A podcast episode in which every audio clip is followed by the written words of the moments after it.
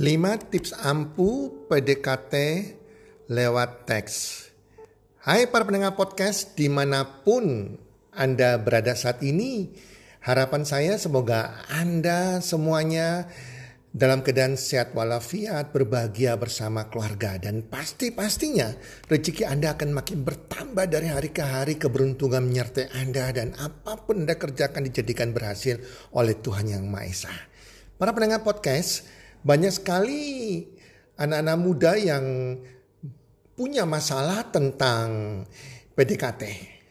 Dan podcast kali ini sengaja kami hadirkan untuk para anak-anak muda, kaula muda yang lagi mungkin mau menjajaki PDKT atau mendekati pasangan yang sedang eh, diincarnya, ditaksirnya dan rupanya itu perlu teknik tersendiri teman-teman ya. Jadi podcast kali ini adalah podcast yang spesial untuk para kaula muda, para anak-anak muda, para bro and sis yang akan melakukan PDKT ya. Jadi ada lima tips bagaimana Anda melakukan PDKT via teks. Dan spesial saya hadirkan yang membawakan podcast kali ini tentang PDKT tersebut juga anak muda. Anak muda yang saya kenal seperti adik saya sendiri yang sangat luar biasa yaitu Bro Eka.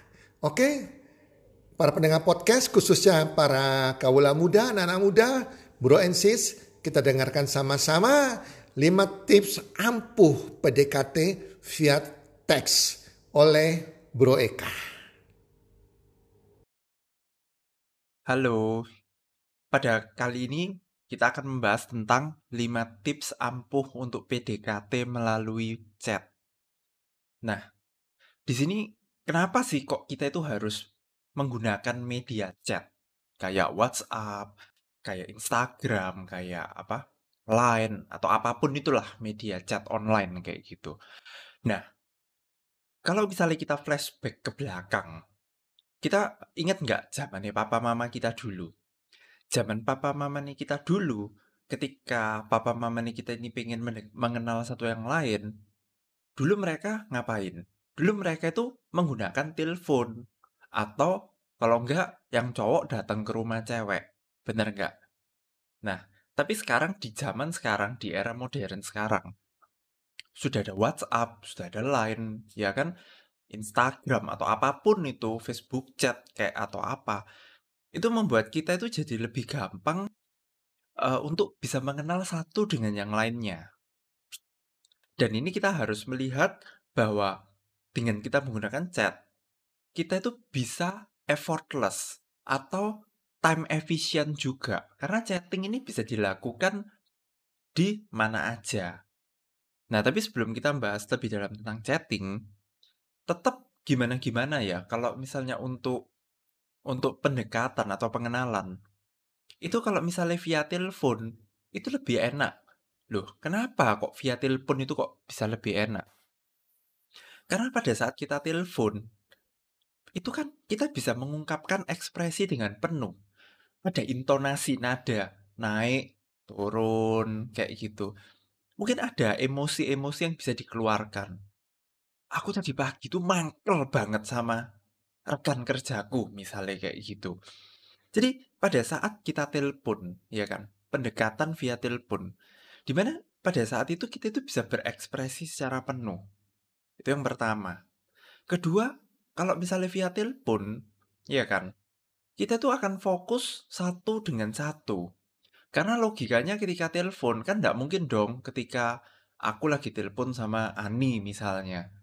Tapi di waktu yang sama Ani ngobrol sama Budi misalnya. Nah itu tentu nggak, jadi lebih fokus one on one. Tapi kalau chatting, chatting ini bisa ngapain aja. Bahkan kayak aku waktu rekaman kayak gini ya, bisa aja aku chatting kan. Bisa aja aku saat ini sambil ngomong sambil ketik-ketik misalnya. Jadi lebih nggak fokus gitu. Kemudian lek kalau telepon, kita itu akan lebih cepat untuk merasa lebih dekat. Karena di situ kita itu bisa apa ya?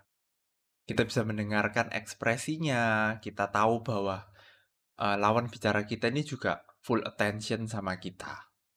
Nah, itu kalau kelebihannya call, jadi lebih cepat deketnya. Karena kalau misalnya kita chatting gitu ya, chatting itu kan kadang balesnya lama ya. Jadi kadang kita chatting jam segini, baru dibalas jam segini, ya kan? Atau kita chatting malam, baru dibalas besoknya. Tapi kalau call kan kita nanya apa, ya dapatnya apa, kayak gitu. Nah, di sini aku mau bahas beberapa kelebihan dari chatting ya. Pertama, ketika chatting itu enak. Kenapa? Karena ya fleksibel. Aku mau chatting di ranjang bisa. Aku mau chatting pas curi-curi apa ya, curi-curi lagi meeting misalnya, lagi meeting di kantor. Aku bisa keluarin HP 30 detik untuk ngechat, udah makan belum misalnya. Atau misalnya ini ekstrim sih. Kalau aku lagi nyetir, aku lagi nyetir aku pun ya bisa buka HP untuk chatting kayak gitu. Nah, kedua kelebihannya dari chatting itu apa? Hemat waktu. Loh, kenapa kok bisa hemat waktu? Ya kalau misalnya kita uh, kita telepon atau apa kan kita harus mencocokkan jadwal ya. Kadang kita harus, eh kamu ada waktu kapan? Atau misalnya ketemuan ya kita harus siap-siap. Jadi contoh nih, rumah kita ini di Surabaya Timur misalnya. Terus si doi tinggalnya di Surabaya Barat dan kita mau makan di Surabaya Tengah misalnya. Maka kita nih waktu untuk siap-siap katakan kalau cowok nih 30 menit kan. Terus perjalanannya dari timur ke barat katakan 40 menit. Dari dari rumah si doi sampai ke pusat kota katakan ya sama 40 menit. Sudah berapa waktu yang harus kita spend? Ya kan? Terus makannya misalnya datingnya katakan dua jam kayak gitu dua jam habis gitu nganterin doi pulang lagi ya kan dari tengah kota ke barat 40 menit dari barat kembali ke rumah kita katakan 40 menit juga terus belum mandi-mandi atau apa jadi quality time-nya mungkin pada saat ketemu itu cuma dua jam tapi total waktu persiapan, nganter-nganter dan lain-lainnya mungkin lah di total itu bisa 7 atau 8 jam.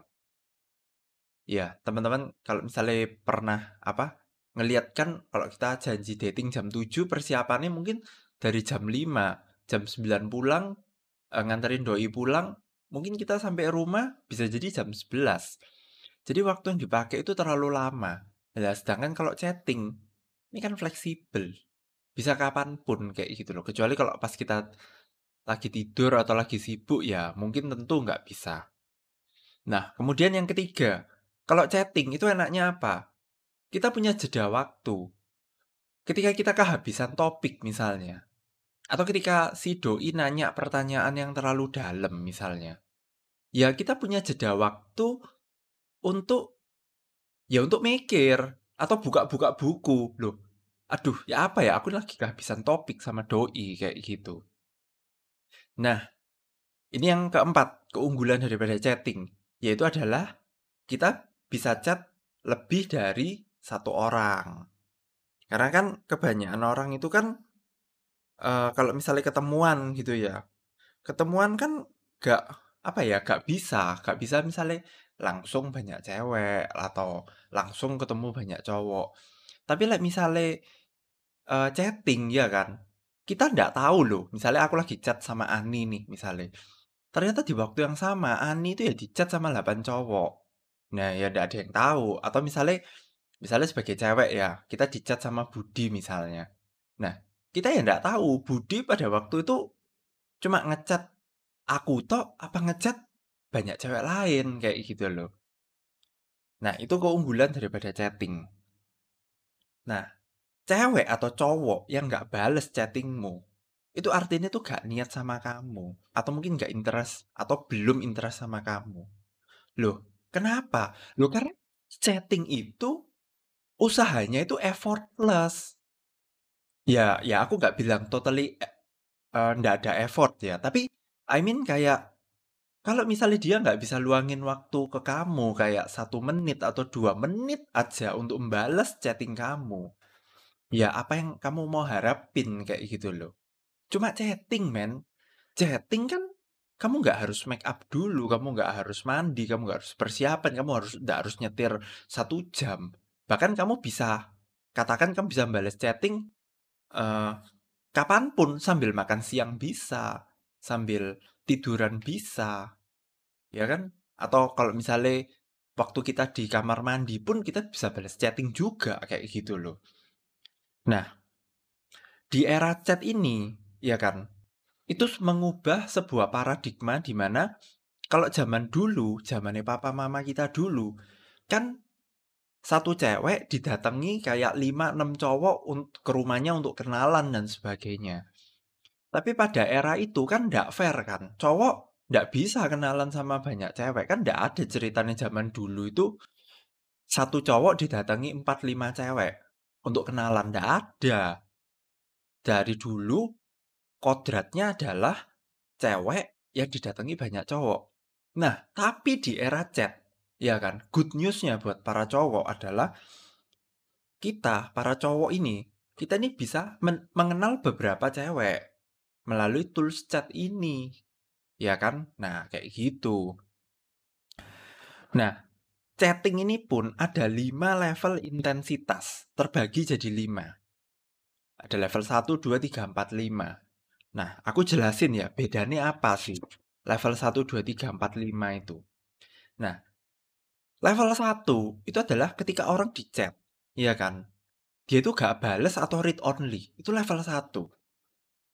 Nah, kemudian level yang berikutnya, level 2 adalah uh, orang ini tuh ngerespon, tapi jawabannya itu singkat dan lama.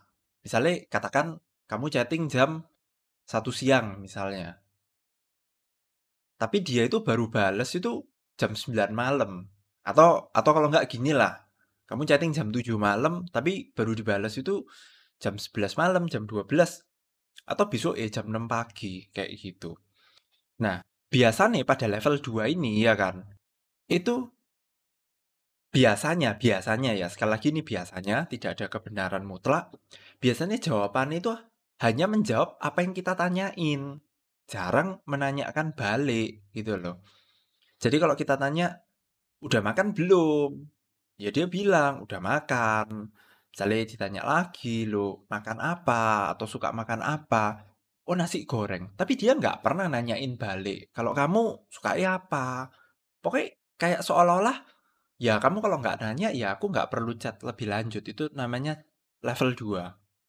Nah, berikut ini adalah level 3.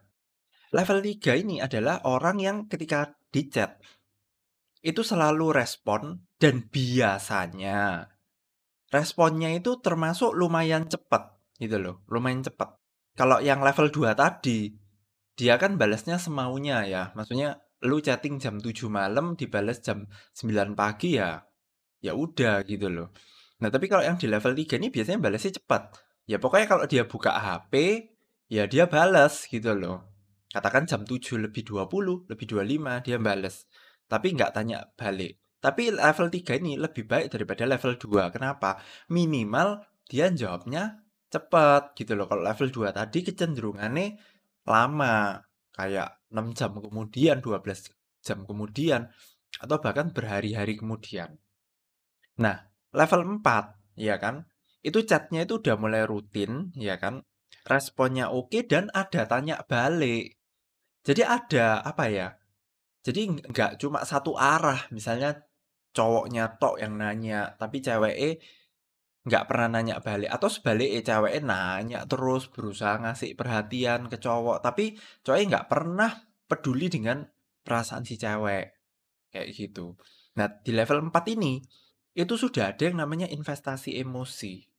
Lah mungkin teman-teman ini pada nanya, investasi emosi itu apa? Jadi investasi emosi itu ya sudah mulai bisa cerita-cerita apa yang terjadi, apa yang dialami, struggle-nya apa, misalnya lagi jengkel dengan apa, lagi bingung dengan apa, atau misalnya dia juga bisa cerita kayak beberapa masalah-masalah yang agak pribadi ya, misalnya kayak masalah keluarganya, ya kan lagi struggle di aku nih kok merasa hidupku ini kurang ini, kurang itu, itu itu ada di level 4. Nah, ada level berikutnya yaitu level 5. Nah, level 5 ini biasanya itu sudah mulai ya ada di level 4 tapi plus satu ka satu kali lagi yaitu ada mesra-mesranya kayak gitu. Kalau yang level 1 sampai 4 tadi, iya kan? Itu oh sorry, level 1 nggak dihitung ya karena nggak bales ya. Level 2 sampai 4 itu bicara soal teman atau best friend.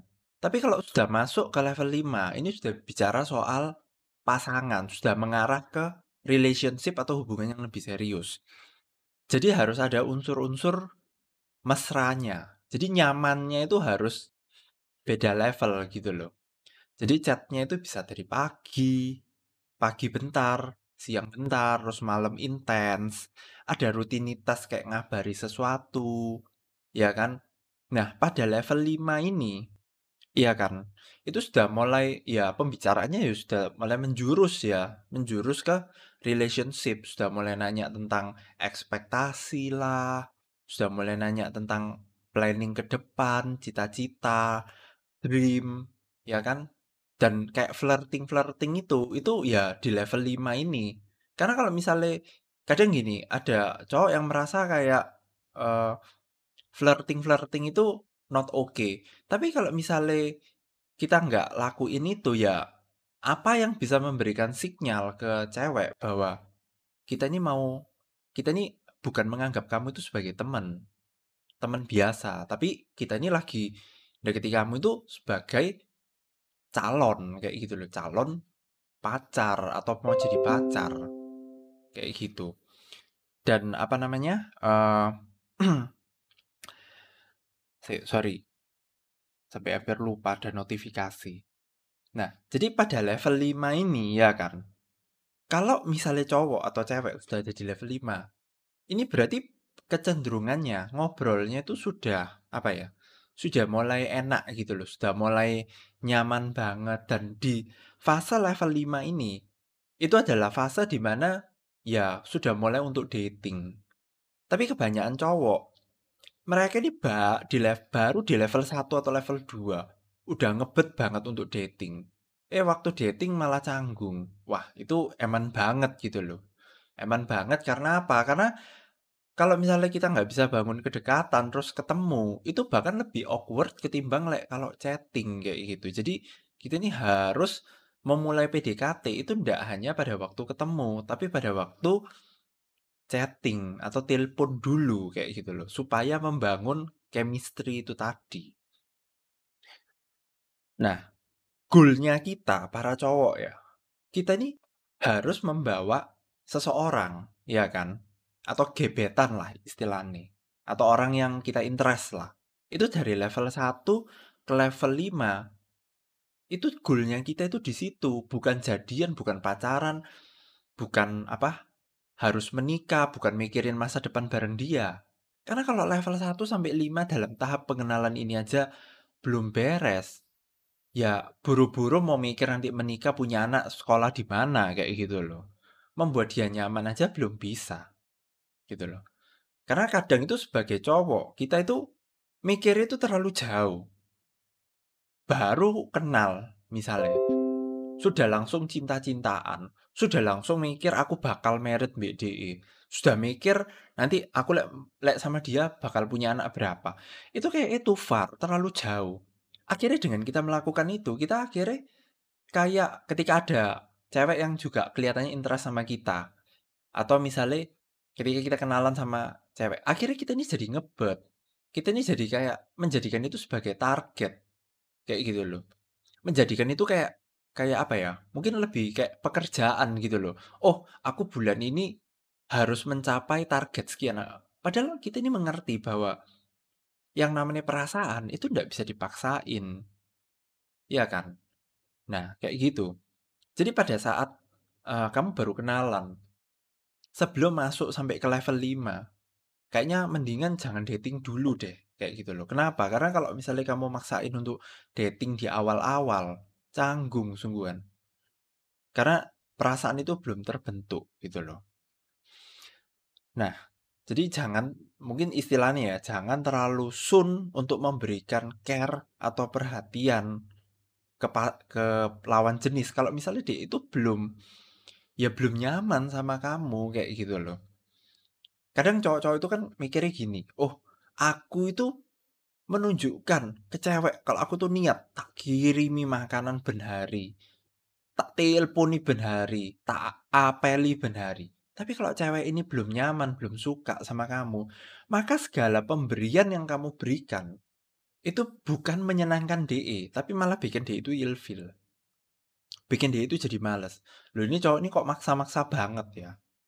Kayak gitu loh. Membuat si cewek ini yang tadinya mungkin ada interest, jadi nggak interest. Akhirnya diajak dating lagi nggak akan mau kayak gitu loh.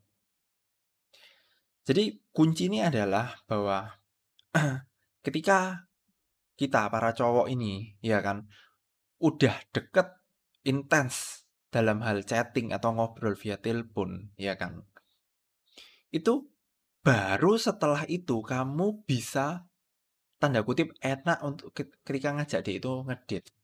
Karena karena kalian sudah tidak canggung lagi udah tahu topik apa yang diobrolin sudah mengenal lah satu sama yang lainnya. Nah sekarang mungkin teman-teman nanya nih nah terus gimana nih cara bawa gebetan dari level 1 ke level 5 ya kan? Nah pertama nih ya kan? Kamu itu harus jadi orang yang punya relasi yang banyak. Loh, kenapa kok harus punya relasi yang banyak? Karena kalau misalnya kamu nggak punya relasi atau teman yang banyak, kamu itu kesannya itu kayak desperate gitu loh. Seolah-olah kalau misalnya cowok ya, misalnya si Ani ini nggak mau sama aku, hidupku berakhir. Tanpa sadar kita memberikan image ya toh bahwa Ani menolak cintaku, ya kan? Maka hidupku itu berakhir. Aku sudah ada lagi. Tidak ada tidak ada kenalan lagi dan sebagainya. Nah, sedangkan cewek itu mana ada sih cewek yang suka maksudnya dengan cowok yang model-model kayak gitu ya tentu tidak ada kayak gitu loh. Maka dari itu kita ya kan, aku tidak peduli umurmu tuh sekarang itu udah berapa. Baru 20, 21, 22, 30 atau 40 lah. Aku tidak peduli umurmu berapa, tapi please kalian itu perbanyak yang namanya relasi. Gitu loh. Perbanyak udah bergaul sebanyak-banyaknya. Salah satu uh, teman saya itu ada yang bilang gini. Ya, ini quotes-nya dari dia. Dia bilang bahwa ketika kamu tuh single, hangout sebanyak-banyak mungkin. Kenalan nombi orang-orang sih kamu bisa untuk kenal. Masuk di komunitas-komunitas yang kamu bisa masuki. Kenalan. Punya banyak temen, make friend. Ya kan? Nggak apa-apa. Gitu loh. Jangan takut untuk memasuki komunitas yang baru. Kenalan dengan teman-teman yang baru. Karena siapa tahu yang jadi dewanmu suatu hari nanti, ya dari situ. Kan nggak ada yang tahu. Tapi kalau kamu menutup diri, kamu cuma mau bergaul dengan tanda kutip teman-temanmu yang ada sekarang. Padahal teman-temanmu yang ada sekarang ini kamu udah tahu mereka ini tidak ada yang qualified atau tidak ada yang suka sama kamu.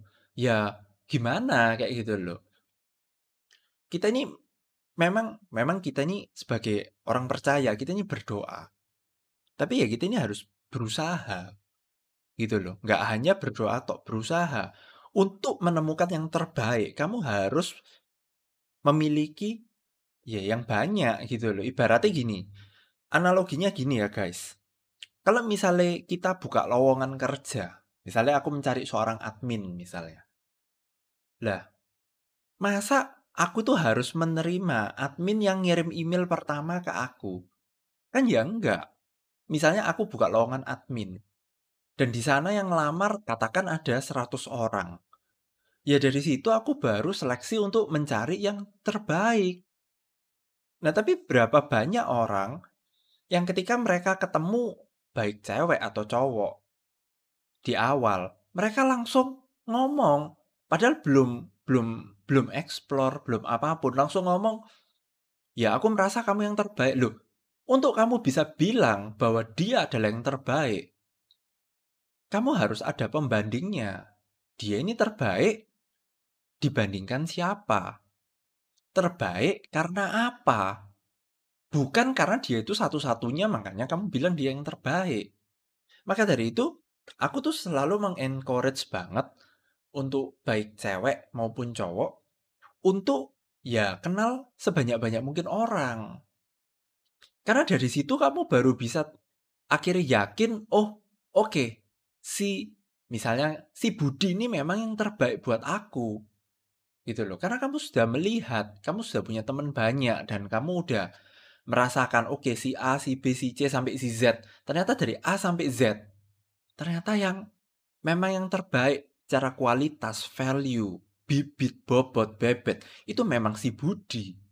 Lah tapi kalau misalnya kamu cuma kenal si Budi misalnya dan kamu sudah langsung bilang Budi adalah yang terbaik atau misalnya like cowok kamu kenal Ani dan kamu langsung bilang Ani adalah yang terbaik ya itu berarti kamu nggak bisa bilang itu terbaik kenapa karena kamu nggak ada pembandingnya nah mungkin di sini teman-teman ada yang nanya lah terus gimana aku ini orangnya kuper aku ini orangnya introvert aku ini orangnya nggak bisa ngomong ya kan sebetulnya tidak ada yang namanya bayi yang nggak bisa ngomong. Nggak ada bayi yang tiba-tiba lahir, aku tuh introvert, aku nggak mau nangis. Itu nggak ada, guys.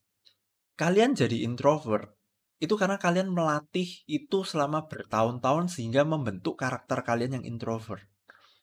Begitu pula sebaliknya, ketika ada orang yang ekstrovert, orang yang gampang banget untuk ngomong, gampang banget untuk bercerita, itu karena dia itu melatih dirinya untuk bisa jadi ekstrovert gitu loh.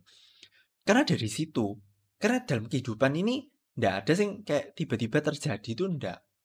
Kamu introvert karena kamu melatih, kamu memindset di dalam kepalamu, kamu dari kecil bahwa kamu adalah orang yang nggak bisa ngomong, kamu orang yang nggak asik, kamu yang nggak fun. Itu semua berawal dari kata mindset. Maka dari itu aku pengen uh, setiap kita itu mengubah mindset kita gitu loh. Kita ini adalah makhluk sosial. Kita ini nggak diciptakan untuk hidup sendiri.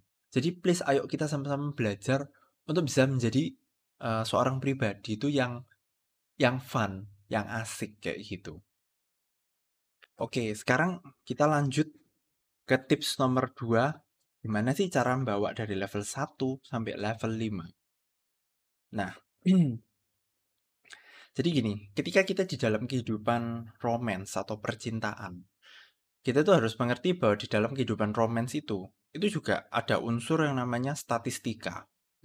Kenapa kok ada unsur statistika? Artinya gini, ketika kita itu mau ngajak kenalan atau pengen deket, katakan dengan 10 orang, ya kan? Ya nggak tentu semua 10-10-nya ini bakal suka sama lu. Nah, artinya apa? Artinya lu, ya kan, baik cewek atau cowok, kalian harus berani untuk ngekat. Dan jangan berharap dengan orang tersebut. Duh, kenapa? Karena gini, ketika kita ngecat, katakan kita ngecat ke 10 orang. Kita ini kenal dengan 10 orang misalnya. Ya kan? Nah, tapi dari 10 orang ini yang respon sama kita, ya kan? Yang kalau misalnya kita chat, balas, ada ngobrolnya atau apa kan ya enggak mungkin 10. Mungkin dari 10 cuma ada dua. Ya enggak apa-apa. Kalian harus bisa let go ya orang-orang yang memang nggak qualified gitu loh. Mungkin kalau cowok merasa aku mencoba untuk kenalan kok responnya kurang. Atau misalnya cewek cewek ini sudah interest dengan cowok tapi kok cowoknya nggak ngajak ngedit lagi kok nggak nge ngechat lagi ya udah nggak apa-apa kalian harus bisa merelakan. Ya sudah berarti memang memang dia ini harus dieliminasi. Nah di dalam uh, di dalam kehidupan ini yang membuat kita ini terhambat, itu adalah karena kita ini terlalu berharap atau menaruh harapan pada sesuatu yang tidak pasti. Pada sesuatu yang kita ini jelas-jelas tahu, dia ini responnya kurang ditungguin terus. Lah akhirnya apa? Mungkin ada beberapa kita mungkin pernah dengar dari teman-teman kita cerita yang mengenaskan, yang membuat sedih. Aku tuh sudah nungguin dia, ternyata dia akhirnya menikah dengan orang lain. Lah, kok baru sadar sekarang? Lah, kan menikah itu kan ya butuh proses dan sebagainya. Kan sudah kelihatan tanda-tandanya. Nah, karena itu, kalau misalnya tidak punya teman banyak ya gini, pas disuruh move on, diminta untuk move on, kecantol sama cowok atau cewek itu aja.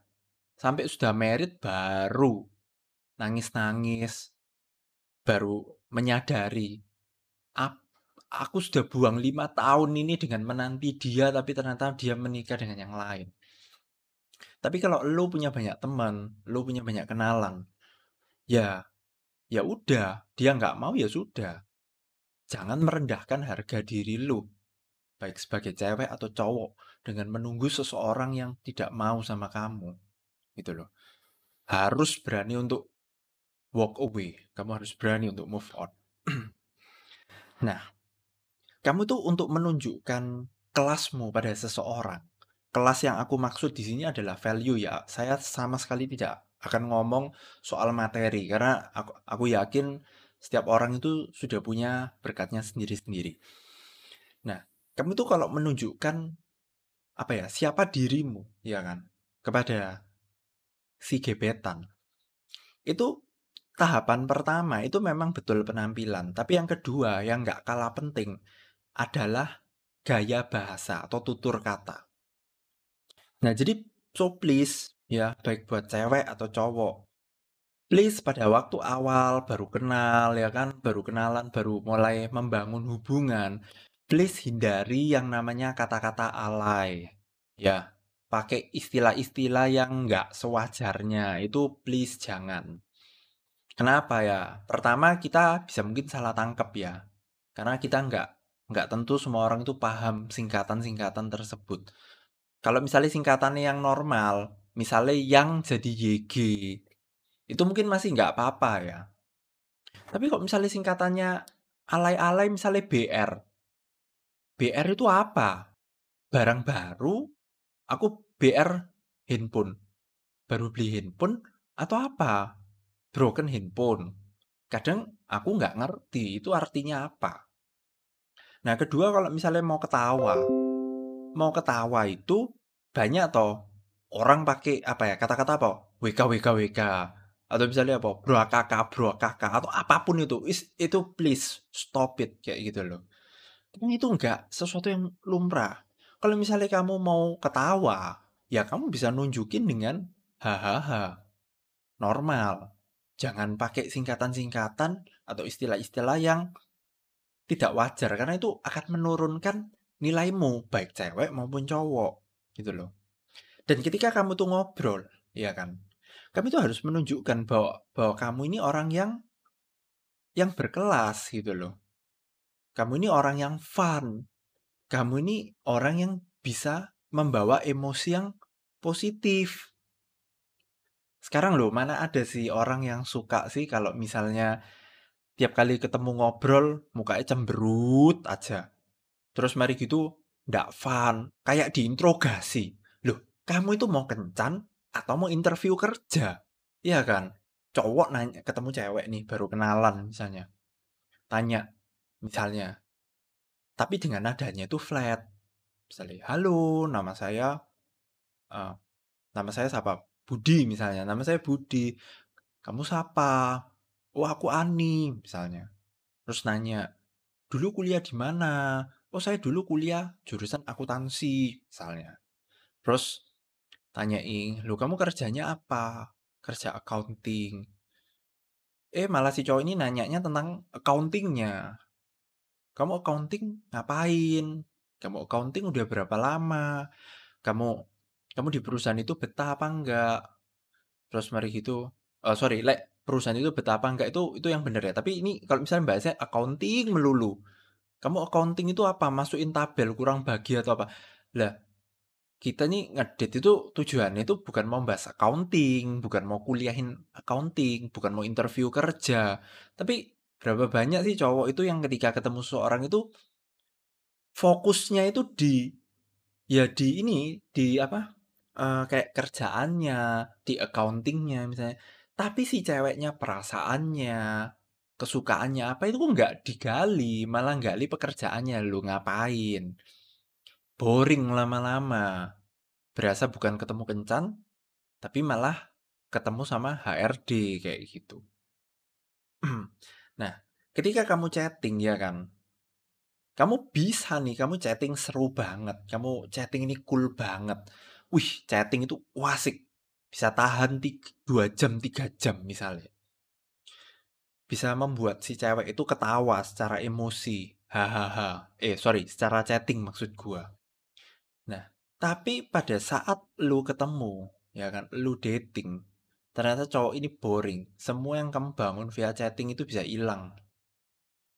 Karena apa? Karena pada akhirnya kita semua ini bukan mencari pacar virtual, guys. Kita semua ini mencari the real partner. Jadi enggak, kalau misalnya lu asik di chatting tapi nggak asik di dunia nyata, itu kamu bisa buy. Masih mending like nggak asik di chatting tapi di dunia nyata itu asik. Itu sih mending. Berarti mungkin anak ini bukan tipe yang chatting, ya enggak apa-apa. Diajak sering diajak pergi aja kayak gitu loh. Tapi kalau misalnya chatting aneh fun banget tapi pas ketemu wah boringnya minta ampun. Waduh itu obatnya lebih susah, guys. Nah, jadi yang kedua itu yang tadi ya Kesimpulannya adalah kamu harus menunjukkan kelas lu. Kamu harus menunjukkan dari gaya bahasamu. Kamu itu bawa orang berkelas gitu loh. Bukan hanya seorang alay yang pengen dapat pacar. Nah, yang ketiga, kalian itu harus fun. Loh, maksudnya fun itu gimana? Ya ketika kalian lu baru kenal ya kan, baru ngedit pertama, kedua, santai aja, nggak usah bahas terlalu jauh, jauh banget nanti menikah gimana dan sebagainya itu ndak usah. Terlalu terlalu inras itu ndak usah, terlalu gerusa-gerusu. Kamu harus menerima cintaku sekarang atau apa itu ndak usah. Bangun dulu hubungan, ngobrol. Jangan langsung melompat ke yang lebih intim itu jangan kayak gitu loh. Kenapa? Karena kalau misalnya lu lompat langsung dari stranger langsung ke ngedit yang lebih intim, misalnya kamu mulai tanya-tanya hal-hal yang terlalu intim, itu membuat cewek nggak nyaman gitu loh. Kalau cewek itu nggak nyaman, dia tutup pintu, akan lebih susah untuk membukanya. Kamu akan kayak lakuin extra effort. Jadi ketika kamu PDKT, kamu kenal dengan seorang, ya kan? Udah, yang fun aja, jadi diri lu aja. Nggak usah bahas topik-topik yang terlalu jauh. Bangun hubungan, nyaman ngobrol dulu. Ngobrol nyaman aja belum bisa mau bahas soal relationship. Lah sekarang gini lah, coba coba uh, teman-teman bayangin gini deh. Kalau misalnya teman-teman perjalanan katakan dari Surabaya ke Jakarta, itu perjalanannya lama nggak? Lama, bener, lama banget. Coba teman-teman bayangin, kalau misalnya teman-teman semobil berdua, ya kan? dengan orang yang nggak asik atau nggak bisa diajak ngobrol. Dan teman-teman perjalanannya itu katakan 10 jam Surabaya ke Jakarta. Sepanjang jalan itu kan menjadi perjalanan yang terlama, terboring dalam hidupnya teman-teman. Lah, kalau dalam perjalanan aja, perjalanan dari Surabaya ke Jakarta yang sesimpel itu aja harus bisa enak ngajak ngobrol. Apalagi kalau misalnya ini teman-teman mau bangun hubungan sampai ke pernikahan. Pernikahan itu bukan bicara soal 10 jam kayak Surabaya ke Jakarta. Itu sudah bicara seumur hidup, guys. Sampai mati, sampai maut memisahkan. Nah kalau dia nggak enak, nggak asik, boring kalau misalnya diajak ngobrol. Lah terus gimana? Masuk seumur hidup jadi merana. Nah itu itu hal yang teman-teman itu perlu apa ya? perlu pikirkan, perlu perhatikan gitu loh. Nah, ini ada sebuah pengalaman ya, ada cowok yang merasa bahwa setiap kali dia itu ngajak cewek, itu mesti cewek ini nggak mau ngedit sama dia. Atau misalnya pernah ngedit sekali, terus habis gitu uh, si cewek nggak mau.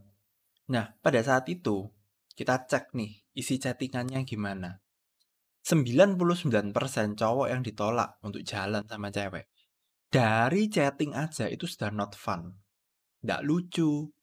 Chatnya itu kayak interview. Interview kerja. Kayak yang tadi saya bilang. Ibaratnya jadi kayak kayak ketemu HRD bukan ketemu calon gebetan.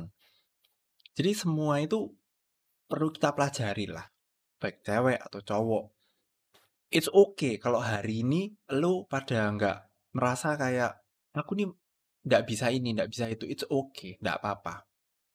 Tapi pastikan di dalam mindset kalian, minggu depan atau besok, kamu akan menjadi pribadi yang lebih baik dari hari ini.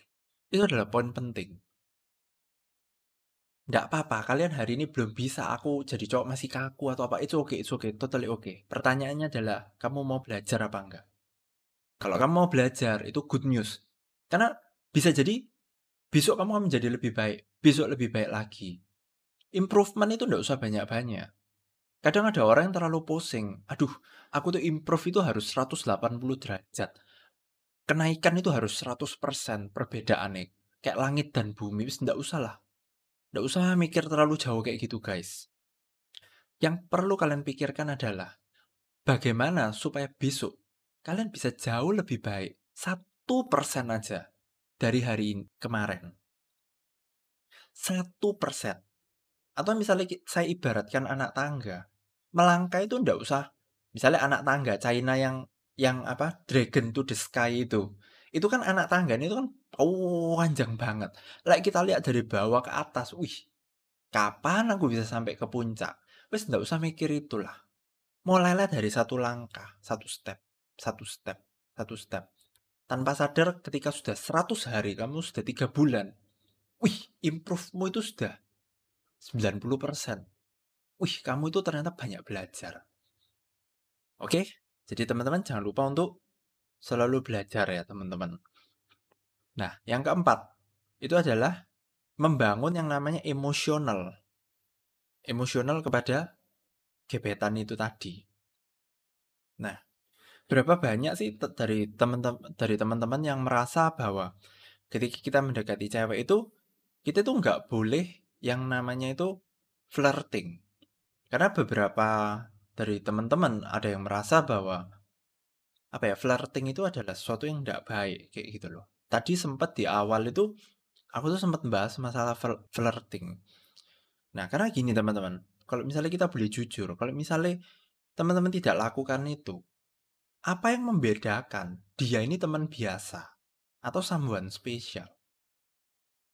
Ya, nggak ada bedanya kan. Kalau misalnya semuanya harus formal, semuanya harus apa ya, tentu nggak ada beda. Dan aku kadang itu melihat kayak, ya tidak semua cowok, uh, mau untuk flirting karena dirasa kayak apa ya, karena tidak baik lah atau apa ya. Tapi sekali lagi ya, flirting itu kan ada tingkatannya juga kan. Ya tentu kita tidak akan flirting dengan sesuatu yang di luar normanya kita, gitu loh. Tapi kalau misal sorry, definisi flirting yang aku maksud adalah ada sentuhan fisik ya. Nah sentuhan fisik ini kan nggak harus sesuatu yang unappropriate gitu loh. Ya, aku kasih contoh, aku kasih contoh apa ya? Flirt yang aku maksud flirting itu contohnya gimana? Misalnya gini, ini ini contoh ya. Misalnya ternyata kita tuh punya suatu kesamaan tertentu, misalnya dengan dia. Terus kita ngomong, eh sama nih sama gua misalnya, ayo kita tos, tos gitu. Itu itu pun sudah ada yang namanya sentuhan fisik gitu loh. Jadi tidak harus sesuatu yang harus apa-apa itu ya ya enggak juga gitu loh. Tiba-tiba dia salah jalan terus kamu gandeng, "Eh, kamu jangan ke situ, hati-hati ada mobil," misalnya. Itu juga nggak apa-apa gitu loh, nggak harus sesuatu yang kayak kadang itu or cowok itu overthinking banget kayak, wah flirting itu dosa banget gitu loh. Padahal yang enggak, itu untuk menunjukkan tanda bahwa, "Hei aku aku dengan kamu itu aku tuh ada ada rasa loh, aku tuh interest sama kamu kayak gitu loh. Jadi jangan lupa ada ada unsur itunya juga gitu loh. Nah, berikutnya ya, ini yang kelima ya. PDKT itu tidak sama dengan untuk menjadi teman. Jadi ketika kalian PDKT, kalau misalnya kalian bahasnya adalah topik-topik sebagai teman, gimana caranya si cewek atau si cowok itu bakal ngerti kalau kalian itu mau PDKT itu untuk tujuan yang lebih serius. Jadi pada saat PDKT, ya kan, ini beberapa cowok itu kadang itu miss. Kalian itu harus membahas apa yang menjadi hubungannya kita. Kita itu antara lu dengan gebetan, gitu loh. Jadi kita ini Seberapa sering sih kami tuh mencari tahu kayak dia itu sukanya apa? ya kan? Atau misalnya kita yang tanya balik, "Eh, menurut kamu aku lek pakai baju gini oke nggak?" Kayak gitu loh. "Aku suka makan ini, kamu sukanya apa?" Gitu loh. Atau kadang ada unsur-unsur kayak gombalin dikit gitu loh. Nah, ini adalah hal-hal yang akan membe membedakan, ya kan, antara kamu mendekati teman, ya kan, atau atau kenalan lah untuk intensi sebagai teman, atau dengan sambuan yang lebih. Ini terutama buat cowok ya, kayak gitu loh. Karena cowok ini kita ini harus menunjukkan, menunjukkan ke si cewek, "Oh, ini loh, intensiku tujuannya itu ini." Jadi cowok itu harus jelas, tujuanmu itu ke mana. Jangan ndak jelas, flirting-flirting ndak jelas sampai bikin ceweknya baper. Ketika ceweknya nanya hubungannya kita ini ke mana, terus kamu bilang, "Ah, oh aku mek guyonan, kita cuma temen." Ya please jangan kayak gitu. Kalian harus menjaga perasaan para sister-sister ini. Gitu loh. Mungkin ada cowok yang nanya, "Loh kalau aku melakuin itu, ngegombalin atau apa, ternyata responnya nggak baik." Misalnya si cewek ini marah atau apa. Ya udah ya lu stop gitu loh. Simple. Ya lu stop, nggak usah lakuin itu lagi. Berarti si cewek itu memang memang nggak suka sama kamu atau memang belum nyaman sama kamu untuk guyonan sampai sejauh itu. Stop gitu loh. Tapi kalau kamu nggak nggak melakuin, nggak mencoba ya kamu nggak tahu. Cewek kan jaim, nggak mungkin cewek ngomong duluan kalau misalnya dia ada interest sama kamu kayak gitu loh. Jadi stop, simple lah. Hidup ini nggak usah dibikin sim, nggak usah dibikin rumit ya. Artinya apa? Ya kamu do, kamu lakuin yang the best yang kamu bisa. Kalau misalnya ternyata diresponnya kurang, ya sudah, ya stop, stop gitu loh. Ya memang lu bukan Tuhan, kamu bukan dukun. Kamu ya nggak tahu dia itu suka ya apa, dia nggak suka apa. Lu harus tanya, lu harus lakuin, lu harus ya action, bertindak. Berapa banyak cowok itu yang mau ngajak chatting aja mikirnya berhari-hari, mau ngajak keluar mikirnya berhari-hari. Please stop lakuin itu gitu loh. Karena kalau ketika kamu pengen kenal seseorang, lu itu ya jadi diri lu sendiri. Ya just the way you are gitu loh. Kalau kamu mikir berhari-hari, kamu kamu merenung berhari-hari, ya kan mau ngajak keluar mikirnya satu bulan atau apa. Berarti ketika kamu keluar, kamu nggak akan menjadi dirimu sendiri. Kamu akan menjadi orang lain. Pura-pura menjadi pribadi. Misalnya gini, kamu tuh orangnya sebetulnya bukan tipe pemimpin misalnya. Kamu bukan tipe cowok dominan. Ya kan? Tapi kamu itu berusaha di depannya dia itu aku nih cowok dominan. Nggak bisa, nggak bisa. Pasti ketahuan lah. Kamu bisa pura-pura satu hari, dua hari. Tapi lama-lama pasti kebongkar. Jadi menurutku nggak usah. Wes jadilah dirimu. Just be yourself kayak gitu loh. Karena kalau misalnya dia memang jodoh buat kamu dan kamu buat dia, pasti dia itu bisa menerima dirimu. Kamu itu cowok yang lucu, kamu itu bukan cowok yang tipe-tipe pemimpin kayak Hitler gitu, bukan. Dia pasti akan menerima kalau dia itu memang jodoh kamu. Tapi kalau enggak, kamu pura-pura jadi Hitler. Ya mek suka sebentar terus begitu kamu sudah sudah nggak jadi Hitler lagi, sifat aslimu yo yo kecewa gitu. Berapa banyak sih pasangan yang kecewa? Ya kan? Baik cowok atau cewek. Aku tuh kecewa. Te- Ternyata kamu tuh ndak seperti yang diharapkan. Nah sekarang pertanyaannya simpel. Lah berarti di awal kamu ndak menunjukkan dirimu yang sebenarnya dong. Kamu pura-pura berarti di awal. Supaya mendapatkan dia atau supaya si cowok itu mau nerima kamu, kamu pura-pura gitu loh. Cepat atau lambat wis pasti ketahuan. Jadi nggak usah terlalu pusing. Just be yourself. Loh, kalau misalnya aku kurang persiapan ketolak ya apa? Ya sudah, ya sudah ya just do it. Itulah bagian dari seleksi alam, men. Sorry to say, kayak itu seleksi alam ya. You, you just do it gitu loh. Kamu lakuin itu dan ternyata ditolak ya sudah ya stop. Move on. Move on, kenalan sama yang lain gitu loh. Perbanyak koneksi. Gitu. Jadi kalau misalnya ya ini untuk para cowok-cowok ya. Berapa banyak cowok itu yang suka nge ngechat satu cewek padahal si cewek ini udah nggak bales di chat terus. Udahlah, ndak usah lah, ndak usah ndak usah buang-buang waktumu. Hargai harga dirimu yang masih tersisa. Dengan kamu kayak gitu, kamu itu kayak merendahkan dirimu. Ini baik cewek atau cowok, merendahkan dirimu banget gitu loh.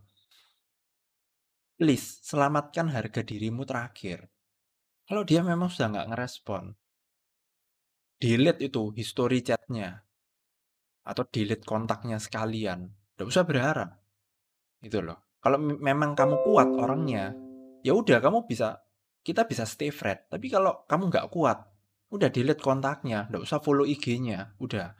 Nggak usah ngeliatin terus. Dia ini kok update story terus ya, tapi chatku gak dibales. Ya memang kamu nggak penting buat dia. Mau apa? Iya kan? Sekarang gini lah. Aku jualan sate misalnya. Aku nawarin nawarin si Ani sate misalnya. Ani juga berhak kok untuk nolak. Dan kalau ditolak ya masa aku sedih? Ya udah berarti dia memang nggak suka sate. Udah that's it. Nggak usah terlalu overthinking. Ya, let it flow, let it flow.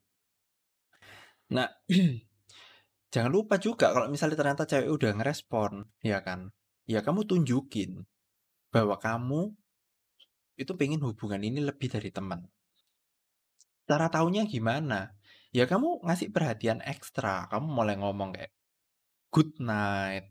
Hati-hati loh ya, jangan mikirin aku ya. Nanti kebawa mimpi misalnya gitu. Ya kesannya itu kayak flirting, tapi ya ya come on man. Kamu mau bawa hubungan ini ke pernikahan kan? Bukan sebagai teman kan? Ya, kamu harus berani untuk mengambil langkah itu. Oke, okay, I think itu dari topik yang yang kali ini tuh sudah selesai, ya kan? Terakhir kalau buat dari aku sendiri ya, ingatlah bahwa misalnya untuk cowok, ya kan? Kamu tuh mesti ingat ketika cewek itu berhasil kamu ajak date, kamu jangan senang dulu. Kenapa? Karena belum tentu ada date-date berikutnya dengan dia. Ya kan? santai aja anggap aja kayak ngedit itu kayak ya kamu itu sebagai suatu proses untuk mengenal satu dengan yang lainnya kayak gitu loh bukan kayak sebuah komitmen oh aku lagi ngedit Mbak Ani aku harus jadi Mbak Ani no ngedit itu bagian dari fase pengenalan it's totally okay dan buat kamu para cewek ya kalau misalnya ada cowok ngajak kamu ngedit sekali terus nggak ada ngedit lagi nggak ada ngedit kedua ketiga dia kalau tiap kali ditanya ngomongnya sibuk ini dan itu wes please kalian mesti tahu bahwa itu itu berarti kita mungkin nggak interest sama kamu kayak gitu loh. Tapi kita ini nggak nggak ngomong karena kita ini takut nyakitin perasaan lu gitu loh. Dan anyway kalau baru ngedit sekali ya assume kita ini belum investasi emosi apa pun ya. Jadi kayak please jangan terlalu cepat untuk GR uh aku diajak ngedate B cowok ini berarti cowok ini wis suka sama aku. Belum tentu. Belum tentu ya ladies ya. Belum tentu. Kayak gitu. Ya semoga dari konten materi hari ini itu bisa menginspirasi teman-teman sekalian ya. Thank you.